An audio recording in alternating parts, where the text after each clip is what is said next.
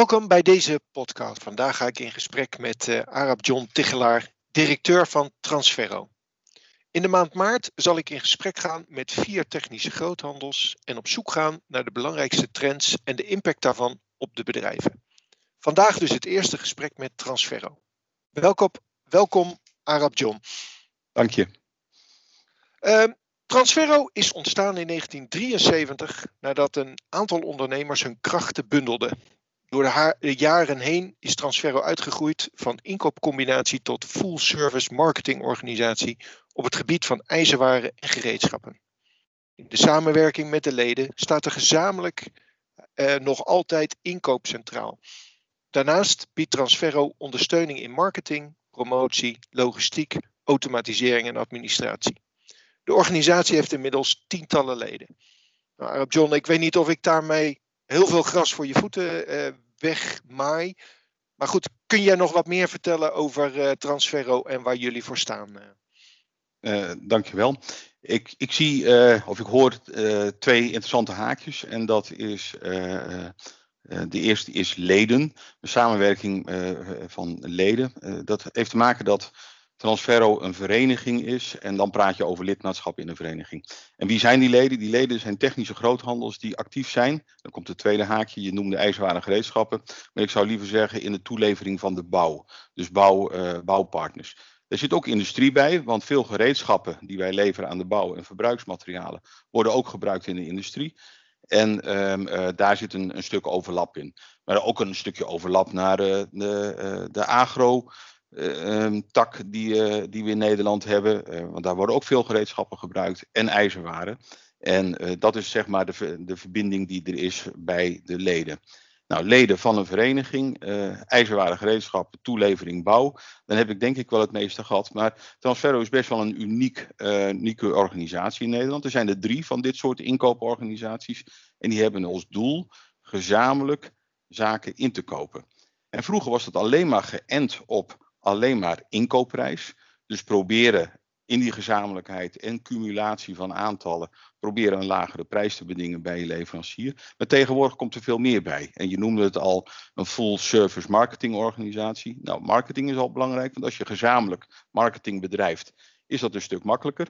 Denk maar aan het ontwikkelen van een webshop of van een app. Maar je kunt ook denken aan uh, gezamenlijke ICT-uitdagingen aangaan, data uh, verzamelen met elkaar. En je kunt denken aan supply chain, waar uh, het heel belangrijk is om in de gezamenlijkheid gezamenlijk op te trekken naar je leveranciers en te kijken van wat kun je met elkaar beter doen. Dus we zijn gestart in 1973 met de inkoopprijs en die is nog steeds belangrijk. Die blijft belangrijk, want uh, daar doen we het natuurlijk voor. Waartoe zijn wij hier op aard? Stellen we nou, meerdere keren uh, onszelf de vraag: wat doen we dan voor, voor onze leden? Maar we breiden natuurlijk ons, ons, um, ons serviceniveau ontzettend uit om de allerlei andere aspecten die we met handelsbedrijven tegenkomen uit te breiden. Ja. Nou, uh, triggert jouw verhaal mij uh, tot uh, eigenlijk twee vervolgvragen. Eén is, je hebt heel specifiek heb je het over zeg maar de afzet richting de bouw, een klein beetje industrie en de agrarische business. Komt dat voort uit zeg maar, het assortiment wat, wat jullie hebben? Of zie je naar de toekomst toe ook nog een verbreding richting andere sectoren door toetreding van nieuwe leden of zo? Dat klopt, uh, de spijker op zijn kop. Uh, um, het lijkt lang geleden, 2012, maar dat was revolutionair toen Transferro ook bedrijven die niet alleen maar ijzerwaren gereedschappen waren aan het verhandelen, maar ook bouwmaterialen, bouw- en hout- en plaatmaterialen um, uh, toest, stond toe te treden tot het ledenbestand van Transferro. Dat is ook iets gezamenlijk. We willen altijd gezamenlijk er wat van vinden. Als er mensen bijkomen, worden we er beter van. En uh, we hebben toen uh, de, de, de, hout- uh, en bouwmaterialen handelaren ook toegestaan. toe te treden tot Transferro. Met als gevolg is dat er wel wat meer concurrentiedruk aan het ontstaan was. Maar dat we ook een tak van sport ingingen waarbij one-stop shop heel belangrijk werd. Want wat gebeurde er voorheen? Men ging uh, in die toelevering in de bouw, ging men eerst naar de hout- en bouwmaterialenhandelaren. En dan vervolgens met de auto even stoppen bij de technische groothandels die de ijzerwaren, de gereedschappen, de kitten en de schroeven hadden. Nou, als je dat bij elkaar samenbrengt, heb je natuurlijk iets heel moois wat je kunt aanbieden aan je klant. Maar er komt meer bij. Uh, we kennen ook de installatiebedrijven die actief zijn in de bouw. Maar we kennen ook de verfgroothandels die zijn uh, in de bouw vertegenwoordigd. Nou, zo zijn er allerlei takken van sport. En als je die een beetje bij elkaar kan brengen. In retail zouden ze zeggen supermarkten. Maar wij noemen het dan zeg maar one-stop shop of bouwpleinen. Ja, dan kun je um, zonder je specialisme te verlogenen. Kun je stappen maken naar je klant die dit fijn vindt. En denk maar aan die bouw. Die bouw toelevering die wordt steeds meer gedomineerd door uh, files, door milieueisen. Je moet proberen zo min mogelijk verkeersbewegingen op zo'n bouwplaats te hebben. Je moet uitkijken dat je niet vijf uitvoerders neerzet in een bouwkeet die alleen maar mensen gaat, uh, de weg gaat wijzen waar de tegels naartoe moeten en de kozijnen naartoe moeten. Dus hoe meer je vanuit uh, één kanaal kunt faciliteren, hoe beter. Ja. Nou, als ik naar de retail kijk, zie ik dat het businessmodel van inkooporganisaties nou ja, eigenlijk nog wel ter discussie staat. Hoe, hoe zie jij dat in de groothandel? Um, de realiteit op dit moment is dat inkooporganisaties 85% van de technische groothandels afdekken in onze branche. Dus als we dat als uitgangspunt nemen, dan zullen we zeggen van nou, nou, we verliezen geen terrein, sterker nog, we winnen veelal terrein. Dat heeft ook mee te maken met toeleveranciers die eigenlijk een soort professionaliteit willen uh, hebben in de keten en dan het liefst zaken doen met bedrijven die aangesloten zijn bij een inkooporganisatie. Dus er zit een soort opwaartse druk vanuit de leveranciers.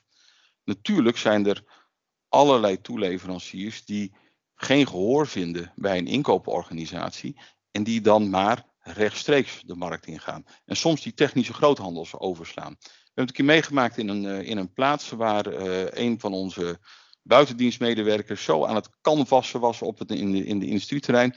En die kwam erachter tot zijn grote schrik. Die zei ja, het zijn wel allemaal klanten van ons. Maar ze kopen heel veel materiaal. Kopen ze rechtstreeks bij aanbieders die niet meer bij een inkooporganisatie uh, hun, hun afzet kunnen vinden. Dus we moeten wel uitkijken natuurlijk dat er niet een soort tweede kanaal aan het ontstaan is. We denken wel dat we het heel goed doen en dat we met z'n allen onze klant goed bedienen. Maar als de klant toch een intrinsieke vraag heeft die wij niet kunnen invullen, ja, dan moeten we wel goed opletten. Dus ja. men moet niet naast de schoenen gaan lopen, om het maar zo te zeggen. Maar ik denk dat de inkooporganisaties een, een hele duidelijke toegevoegde waarde hebben, zowel voor de leden als voor de um, toeleveranciers. Interessant. Um, als ik jou zo hoor praten, dan, dan blijkt gewoon dat die technische groothandel enorm in beweging is. Wat zie jij nou als belangrijkste ontwikkelingen? Uh... De belangrijkste ontwikkeling bij ons, dat wil niet zeggen dat bij anderen, en ik denk dat we daar ook wel een voorsprong hebben ten opzichte van andere technische groothandels, is dat we ons heel erg richten op en op marketing Inkopen is interessant, maar het aan de man brengen vind ik veel interessanter. Want als ik het goedkoper kan inkopen, maar ik kan het niet kwijt, omdat de markt daar niet voor uh, uh, klaar is of omdat hij dat niet adoreert, ja, dan loop, ik, uh, dan loop ik mis. En het tweede is logistiek.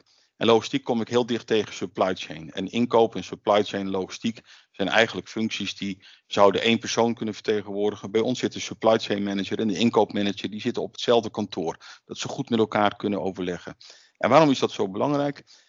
Ik denk dat de inkoopprijzen uh, langzamerhand wel allemaal uh, geniveleerd zijn. De rek is eruit. Tenzij je een prachtig nieuw product hebt, of je hebt een, eh, een, een goede uitvinding gedaan, of iets wat, wat, wat spectaculair anders is dan andere producten. Maar in het algemeen, de kitten die wij hebben en de schroeven die wij hebben, die zijn uh, allemaal redelijk eender. Er zitten geen grote prijsverschillen meer in. Dus waar kun je dan nog met elkaar gaan verdienen in die keten? En dus op het gebied van logistiek, hoe kan ik ervoor zorgen dat het op het juiste product, de juiste hoeveelheid, op het juiste moment aanwezig zijn? En daar um, uh, um, kom je natuurlijk, uh, je transport kom je tegen, maar wat je ook tegenkomt is een stukje supply chain. Waarom bestellen mensen 25 doosjes met schroeven terwijl ze per 24 in een overdoos zitten?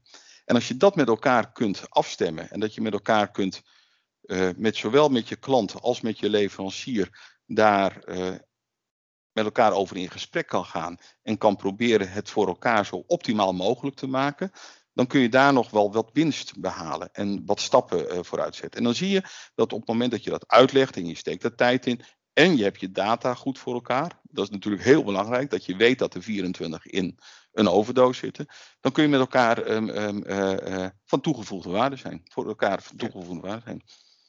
En dat, dat, dat, doen wij met een, met een supply chain manager. Ik, ik heb een paar mooie voorbeelden.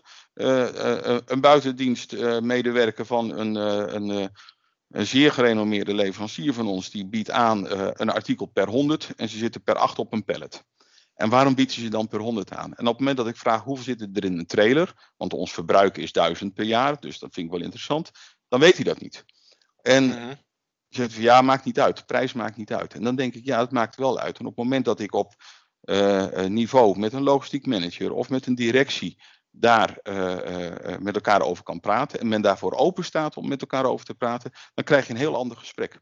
En dan zie je dat je elkaar heel erg kunt ondersteunen. En dat is natuurlijk heel mooi, samenwerking, want dat doen wij nu wel met leden. Maar wij proberen ook heel erg leveranciers erbij te betrekken. Het aloude kaarten op de borst houden en naar, daarna kijken en zeggen van nou, ik heb die prijs, doe je het daarvoor? Zo werkt het wat mij betreft niet.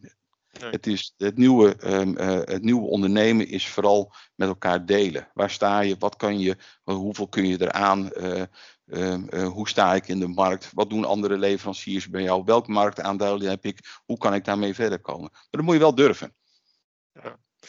Nou hoor ik jou een aantal dingen zeggen. Um, even, even doorgaand over die supply chain en die data, dat belang van die data. Hoe is dat op dit moment in die technische groothandel geregeld? Is dat makkelijk beschikbaar, omdat dat zo'n essentieel onderdeel is van je supply chain? Bij het, uh, het, het verzamelen van data van leveranciers naar de technische groothandels is een jaar of acht geleden binnen de ijzerwaren gereedschappen groothandelaren en de inkooporganisaties is een soort platform opgebouwd. En dat platform heet EasyBase. En dat platform, dat hebben we gemaakt samen met concurrenten. Daar heb je weer wat, je deelt wat met elkaar. Samen met concurrenten, omdat we hebben gezegd van laten we nou elkaar niet beconcurreren op het gebied van data. Want we zitten allemaal met dezelfde uitdaging. We moeten dezelfde stappen ondernemen. Laten we nou samen met die leveranciers naar een soort universeel datasysteem gaan. Dat was al bekend bij uh, uh, de installatiebedrijven. Die gebruikten 2BA. En de ijzerwaren gereedschappen die zeiden van ja, dat willen we ook heel graag. Dus die zijn met EasyBase aan de slag gegaan. -hmm. En vanuit die gedachte om gezamenlijk data um, um, uh, te verzamelen en op een bepaald format te krijgen, zie je dat we een soort multiplier effect hebben gekregen. Is dat we in een versneld tempo heel veel leveranciers zover hebben gekregen om mee te gaan met onze gedachten in het aanleveren van data. En het is nu op dit moment bij de inkooporganisaties een soort criterium.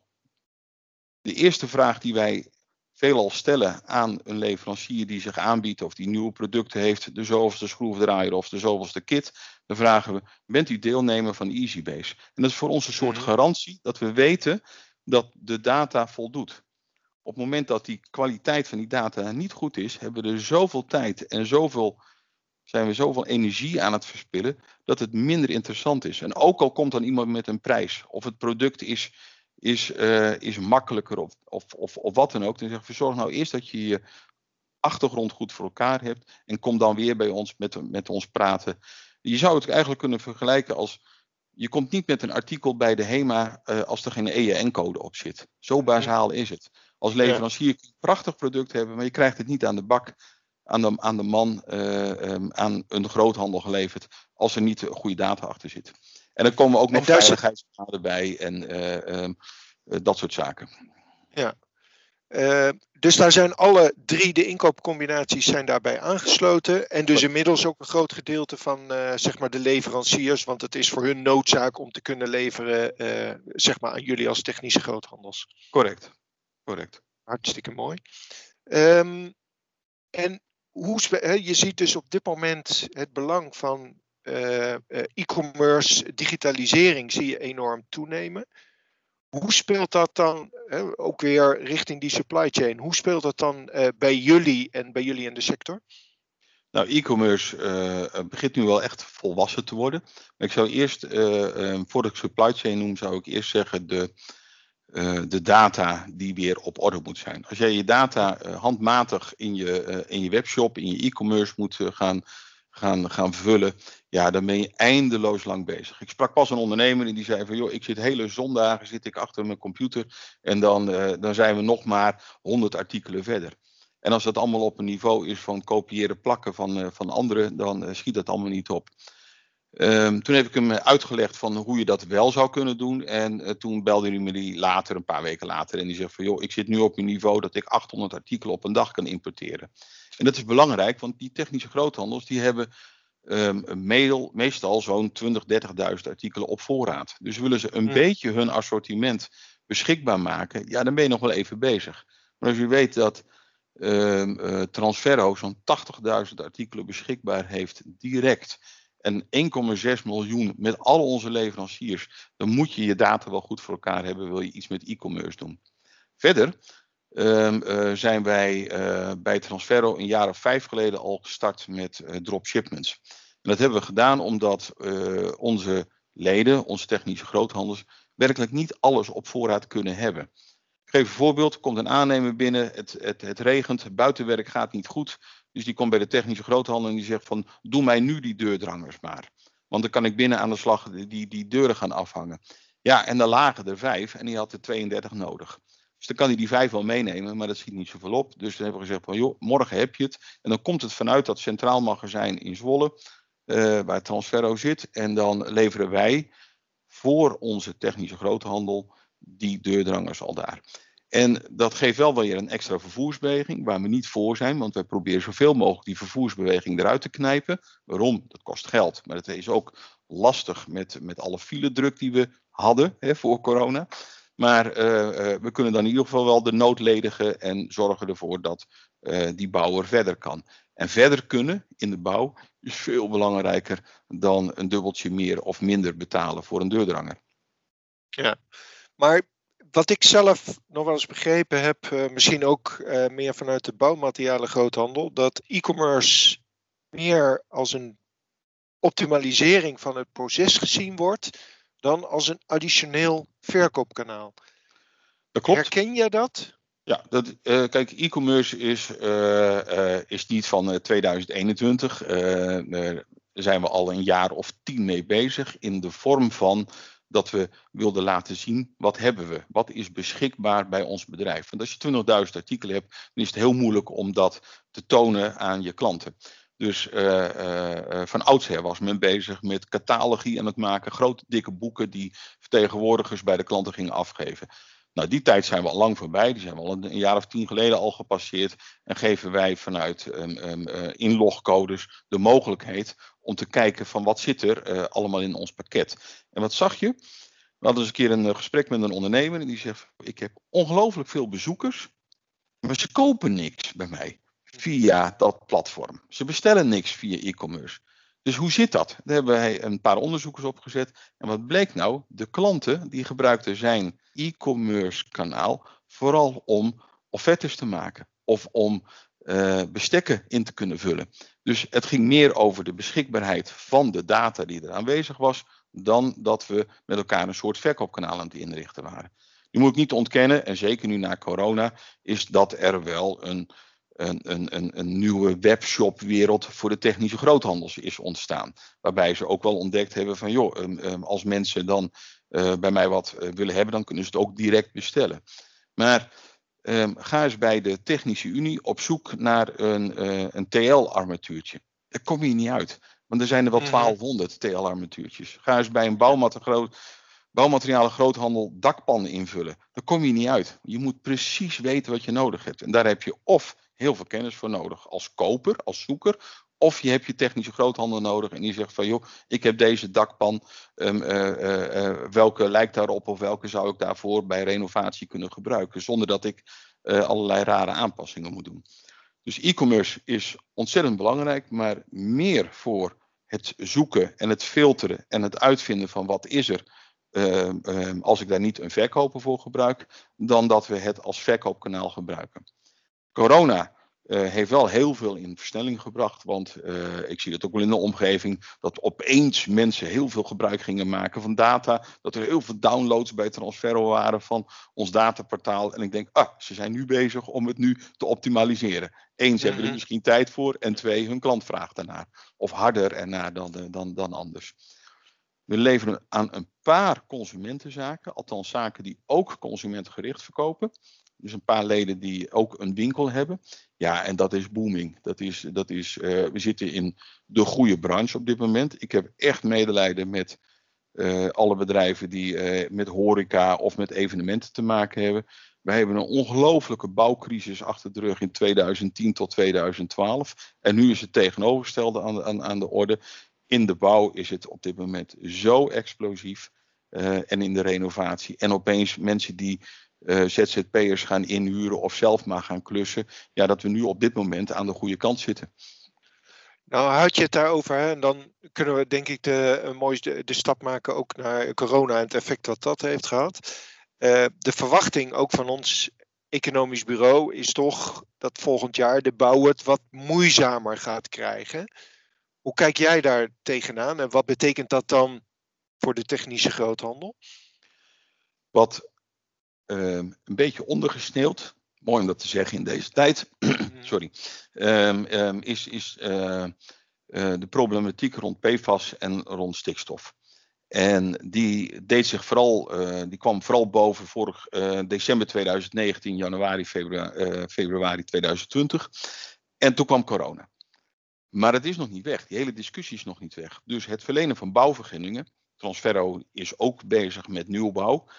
Ehm, eh, waar ik er nu met de neus op de feiten werd gedrukt, moet je wel zorgen dat je goede stikstofberekeningen hebt. En je moet wel zorgen dat je je bouwvergunning kunt, uh, verleend kunt krijgen. Dat kan nog wel eens een groot probleem opleveren. Daar hebben we nu op dit moment niet zoveel last van. Er zat heel veel in de portefeuille, heel veel zaken gaan door.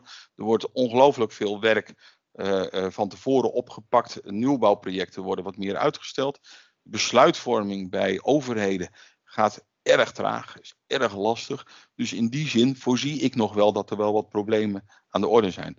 Aan de andere kant hebben we een uitdaging. We hebben een, een, een eh, klimaatakkoord. We moeten in 2050 moeten we proberen gasloos te worden. En in 2030 moeten we al bepaalde doelstellingen eh, behalen. Er ligt zo'n enorm potentieel voor bouwers en bouwgelieerde uh, bedrijven om ervoor te zorgen is dat wij onze klimaatdoelstellingen kunnen behalen. Dat kost bakken vol met geld. Dat gaat de regering betalen, dat gaan wij als uh, bedrijven betalen. Dat doen we nu al, hè, omdat we bedrijven al met energielabels moeten hebben. Maar dat gaan ook onze inwoners betalen. En dat willen we niet, maar het gaat wel gebeuren. Dus als ik kijk naar de toekomst, dan, uh, ja, dan voorzie ik dat daar nog heel veel uit gaat komen. Als, als je daar dan over praat, zie, je, zie jij dan ook een verandering bij jullie in het assortiment? Even over die, die, die duurzaamheidstransitie waar wij in zitten. En wat betekent dat voor jullie en voor de gemiddelde bouwgroothandel? Ja, ik zie dat wel in het, in het assortiment. Niet zo spectaculair als in de installatiewereld, die met warmtepompen werkt. Maar uh, wij zien het wel bijvoorbeeld als je kijkt naar luchtdicht bouwen. Alles wat je niet verliest aan warmte, hoef je ook niet meer uh, te verwarmen. Dus wij hebben wel materialen uh, daarvoor om de, uh, de bouwers te helpen om op een bepaald niveau te komen. Maar je ziet dat er continu ehm, de innovatie er wel is. de regelgeving vervolgens volgt vanuit de overheden. Die zeggen van ja, we willen bepaalde R-waardes moet je gaan bouwen, je moet voldoende bouwbesluiten. En dan pas komt men in beweging in assortimenten. We hebben ook zo'n soort beweging gehad met uh, zo'n ander onderwerp met, um, um, met stofvrij werken. Uh, heel belangrijk dat we allemaal niet stoffen inademen tijdens um, het, het, boren en dat soort zaken. Toen werd het een verplichting, gebeurde nog niks. Toen kwamen de controles en boetes. Ja. En toen pas kwam men in actie. En ik denk dan altijd maar aan die autogordel die ergens in 1973 geïntroduceerd is. In het begin vond men het waardeloos en we vertikten het en we wilden het niet. En uiteindelijk nu, hele ten dagen, draagt iedereen een autogordel. Dus we moeten met elkaar heel langzaam in beweging komen. Nou, dat hebben we ook als het gaat om het klimaatakkoord. We, we, hebben die klimaatdoelstellingen, we moeten dat doen, maar we vinden het heel vervelend met elkaar, want het kost geld. Maar ik weet al van, uh, van financiële instellingen dat die niet bereid zijn om na 2030 nog bedrijven te financieren, dan wel een hypotheek te verstrekken, als ze hun energielabel niet op orde hebben. Want dat is niet meer van deze tijd. Dus we worden wel langzamerhand die richting op uh, gemanoeuvreerd. Nou, kijk ik ook nog eventjes naar de behoefte, uh, de, de woningbehoefte die wij hebben in Nederland. Die is gigantisch. In elke plaats schreeuwt de lokale politiek uh, moord en brand dat we woningen nodig hebben. En we hebben ze niet. En daar moet wel veel in veranderen. En de doelstellingen om naar 100.000 nieuwbouwwoningen te gaan, ja, daar zitten we nog niet op. Dus uh, vooralsnog voorzie ik dat we nog eh, binnen de bouw nog heel veel uitdagingen en nog ook heel veel toekomst hebben. Nog even terug toch naar dat corona. Ehm, ik ben eigenlijk wel benieuwd, wat voor een impact heeft corona gehad op jullie als organisatie, maar ook op de supply chain? Ja, het zijn twee vragen, maar... Ik zag in eerste instantie uh, uh, bij de eerste golf, om het maar zo even makkelijk te zeggen, uh, dat bijna alle ondernemingen in, in een soort shake-toestand zaten. Zo van wat nu dan toch? En in een eigen bubbel aan het opereren waren. De telefoon was stil. De orders liepen wel gewoon door hoor, maar de telefoon was stil. En als ik ondernemers belde, ja, dat, ze waren allemaal bezig met een eigen bedrijf om zo snel mogelijk vanuit een soort reset weer zo goed mogelijk op gang te komen. Ehm, mensen die thuis gingen werken. Uh, ik spreek nog wel eens mensen die nog helemaal niet op de zaak zijn geweest, behalve nog wat spullen bezig halen s'avonds, maar voor de rest niet. Kom ik zo wel eventjes op wat dat voor impact voor Transferro had. Kijk naar supply chain. Uh, heel weinig. Uh, wat wij meemaakten is dat we een enorme druk op onze organisatie kregen. Want onze leden gingen heel sterk tegen Transferro aanleunen. En dat heeft geresulteerd, en dat kan ik best wel trots zeggen, dat we vorig jaar 37% in omzet zijn gestegen vanuit ons magazijn. Dat is bizar. En om, dat te en om dat te handelen moet je wel een goede supply chain hebben. Dus wat hield het voor ons in?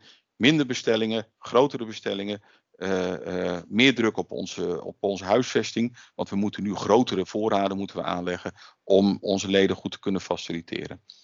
Kijk ik naar uh, de impact die het had bij onze werknemers, los van dat wij ook uh, geconfronteerd werden met uh, positief geteste mensen. Op een gegeven moment was ik zeven man leiding kwijt in het, in het magazijn. Uh, we hebben hele bizarre situaties meegemaakt. heb ik ook iets moois. dat is dat mensen nu zo flexibel zijn geworden, is dat ze en thuis kunnen werken, op andere werktijden kunnen werken. Maar ik heb ook door die ziektesituaties of die, die, die, die thuisblijfsituatie ook meegemaakt dat mensen heel mooi boven eh, het koren hun hoofd uitstaken en uh, uh, met de troepen voorop gingen lopen om ervoor te zorgen dat alles doorging. En dan zie je dat in zo'n soort crisissituatie de sterkere mensen er, er, bovenuit stijgen. En daar heb je dan wat aan. Kijk ik naar de thuiswerkers. Ik had tot mijn grote verbazing had ik de telefonisten, receptionisten thuis. Want er kwam toch geen bezoek. Dus, we hadden geen receptie nodig. En de telefoniste zat bij wijze van spreken met de strijkbout in de hand misschien wat generaliserend, uh, uh, zat ze telefoontjes te beantwoorden. En die vond het geweldig, want ze was in ieder geval nog uh, heel productief en ze kon goed meedoen. Een andere um, persoon bij ons op de boekhouding die wachtte tot man lief thuis was van zijn werk en daarna s'avonds voor Transferro ging werken. En dus een totaal verlegde werktijd had. Waarbij we ploegendiensten in het magazijn heel normaal vinden, kan het dus kennelijk op kantoor ook. En dan zie je um, dat, uh, um, ik heb wel eens gesprek met andere ondernemers die dat dan moeilijk vinden. Die zeggen van ja, laat je dan ze allemaal thuis en hoe controleer je dat dan? Nou, wij controleren het niet. We stimuleren de mensen om vooral uh, een bepaald resultaat te zetten. En ik vind het belangrijker dat ze een resultaat halen dan dat ze hun tijd volmaken. He, dat ze hun 7,5 of 8 uur per dag werken. En uh, uh, dat hebben we op een uh, ja, vrij frisse manier gedaan. We hebben met de mensen besproken, wat ga je dit jaar doen? Welke doelstellingen wil je bereiken? Wat heb je voor jezelf op de agenda staan? En kunnen we je daarbij helpen? En wat heb je ervoor nodig? En wat je hebt nodig, dat kan bij de een kan dat zijn, die, die zegt van ik heb meer mankracht of een andere, een snellere PC, even gechargeerd nodig. Maar weer anderen die zeggen van ja, ik ga dat nu in mijn programma dit jaar ga ik dat volmaken. En dan ben je minder met werktijden bezig, je bent veel meer met resultaat bezig. Wat en wat wil men zelf bereiken? Als ik, ik, liet net even vallen nieuwbouw. We gaan bij nieuwbouw uh, ervan uit dat we wel 50% groeien in de komende vijf jaar, maar niet in kantoorwerkplekken. Dus ik vind het nou wel heel mooi om die werkplekken ook thuis te kunnen situeren. En dat doen we natuurlijk zoals het allemaal hoort, hè, met bureaustoelen en computers en camera's en dat soort zaken. Maar um, uh, uh, ik hou er rekening mee dat er steeds meer mensen thuis kunnen werken. Dat vind ik echt een winst van deze coronasituatie die we hebben meegemaakt. Ja. Als je over, uh, ja. Dat betekent overigens ook wel wat voor jou als, als manager, want je zult op een andere, moment, andere manier moeten gaan sturen. Ja, daar gaf ik net al wat, uh, wat van aan. Van dat wij uh, veel meer op doelstellingen sturen dan op aanwezigheid. Mm. Dus er zit geen controlemechanisme op. Uh, het is heel jammer voor onze heftruckchauffeurs, maar die kunnen niet thuiswerken. Die moeten, echt naar, die moeten echt naar de zaak toe. Dus dat proces loopt door. Maar kijk je naar heel veel andere kantoorfuncties. We zitten met 37 man op kantoor en gisteren waren er vier. Nou, dat zegt dan wat. En dan, ik zie alleen maar grote lege ruimtes, zie ik. Uh, of dat nou weer zo fijn is, is ook niet. kan ik ook wat ter discussie stellen. Het grootste gemis aan als mensen niet met elkaar werken, is dat ze elkaar niet kunnen verbeteren. En dat verbeteren, dat heb je nodig. Je moet elkaar uh, kunnen versterken in, uh, in vraagstukken. En dat doe je minder als je aan het thuiswerken bent. Dat doe je minder in teams, want je praat dan te snel door elkaar heen en dat doe je dan maar niet en dan ben je meer aan het luisteren. En daar mis ik wel in deze coronatijd de mensen in. Ik zou veel meer met ze uh, weer in contact willen zijn. Los van dat we allemaal sociale wezens zijn en dat we natuurlijk helemaal niet graag thuis willen zitten of opgesloten zijn, maar dat we ook wel eens een keer collega's willen zien. Ja. Ik, we kunnen nog uren doorgaan, maar ik zou toch uh, uh, nog twee vragen. Hoe, hoe zie jij de rol of de, de toekomst van, zeg maar die, de, van de branche en de rol van Transferro erin? waar uh, technische groothandels uh, continu mee bezig moeten zijn, maar ik denk onvoldoende mee bezig zijn, die worden geleefd door de dag. Ze kijken, ehm, wat ik veel al meemaak, kijken ze onvoldoende naar voren. En geen kwaad woord over onze leden. Ik heb er heel veel respect voor ze. Maar op het moment dat ik de vraag stel van hoe zie jij je bedrijf over vijf jaar, ja, dan hebben ze niet pas klaar een antwoord. Dan moeten ze daar nog over gaan nadenken uh, uitzonderingen daar. Maar in de meeste uh, gevallen zijn men, is men bezig met vandaag de dag en niet van waar sta ik en waar staat mijn bedrijf over vijf jaar. Dat zie je wel bij de oudere uh, ondernemers, want die zijn met hun pensioen bezig of met een opvolging bezig, maar de jongeren helemaal niet. En wat ik dan daar jammer in vind, is dat ze um, um, vooral mee moeten nemen van wat is mijn toegevoegde waarde als bedrijf in die hele keten. En dan zie je dat fabrikanten uh, hier en daar de groothandel aan het overslaan zijn. ik neem als voorbeeld neem ik een, een, een, een Duits bedrijf die heel bekend is van de degelijke wasmachines. Die een eigen experience center, een eigen kookcenter heeft, heeft, heeft gemaakt. De onderdelen in eerste instantie al online gingen verkopen. En nu ook al de apparatuur online verkoopt. En dan winkeliers zeggen: Ik snap dat niet, of groothandels, ik snap dat niet, want ze betalen veel te veel bij die fabrikant, want die vraagt de bruto prijs heel netjes. Mhm. En uh, uh, ik dat wel begrijp, want die zoveel informatie uh, op hun site of vanuit hun brochures kunnen geven, waarbij je het kopen bij de bron, hè, wat, wat iedereen graag wil, zoals aantrekkelijk wordt ervaren. Lang verhaal kort, de technische groothandels moeten uitkijken dat ze niet overgeslagen worden niet overgeslagen worden. En dat zien we al bij bouwmaterialen, bij hele grote, bijvoorbeeld isolatiebedrijven, die hun isolatie toch al met vrachtwagens op de bouwplaats moesten brengen. Dus wat doet die technische groothandel dan nog? Ja, alleen maar een factuur sturen en er geld tussen uitknijpen. Dus daar moeten ze goed voor uitkijken. En uh, door de, de uh, beschikbaarheid van data, door e-commerce, zie je dat daar wel een versnelling in komt. Dat dat makkelijker wordt. Dat mensen ook meer bereid zijn om uh, uh, online te kopen. En in onze branche, daar zie ik best wel voorbeelden. Ik ga geen merken noemen, maar ik zie al best wel voorbeelden waar al een beetje de mogelijkheid wordt geschapen voor de eindgebruiker of het aannemersbedrijf om rechtstreeks te kopen. en om rechtstreeks serviceafspraken te maken. En die technische groothandel moet daar goed opletten. En wat zou een toegevoegde waarde kunnen zijn? Nou, daar kun je nog wel een keer een podcast van maken, denk ik. Daar gaan, gaan, we nog een keer op doorpraten. Maar even tot slot, wat, wat zou je dan, hè, als, je, als je dat zo schetst, wat zou voor jou dan een tip zijn voor ondernemers in deze branche? Waar ondernemers van oudsher heel sterk keken naar inkoopprijs. Waarvoor koop ik het? Moeten ze denk ik nu hun vizier wat breder uh, openzetten en kijken wat zou er nog meer van invloed kunnen zijn op mijn integrale kostprijs. Dus niet alleen maar die inkoopprijs, maar hoe kan ik het op zo voordeel mogelijke wijze bij mijn klant krijgen. En dan heeft klantrelatie heeft dan echt uh, uh, inhoud. Want je moet met je klant erover gaan hebben en praten van hoe zie jij dat het liefste? Wat zou mijn rol kunnen zijn? En hoe kunnen we samen in die keten optimaliseren? En dan moet je samenwerken. En samenwerken is voor Transferro is dat um, uh, ja, uh, een, een, appeltje een, eitje. Ja, appeltje eitje, dat is onze bloedgroep. En dat ja. zou met je klanten ook moeten kunnen. Zeker goed. ik denk een mooie afsluiting. Arab John, hartstikke dank voor dit leuke gesprek. jullie ook Bedankt voor het luisteren naar, uh, naar deze podcast. Uh, voor andere podcasts uh, verwijs ik jullie graag naar de site ing.nl. John, nogmaals, dankjewel. Heel graag gedaan.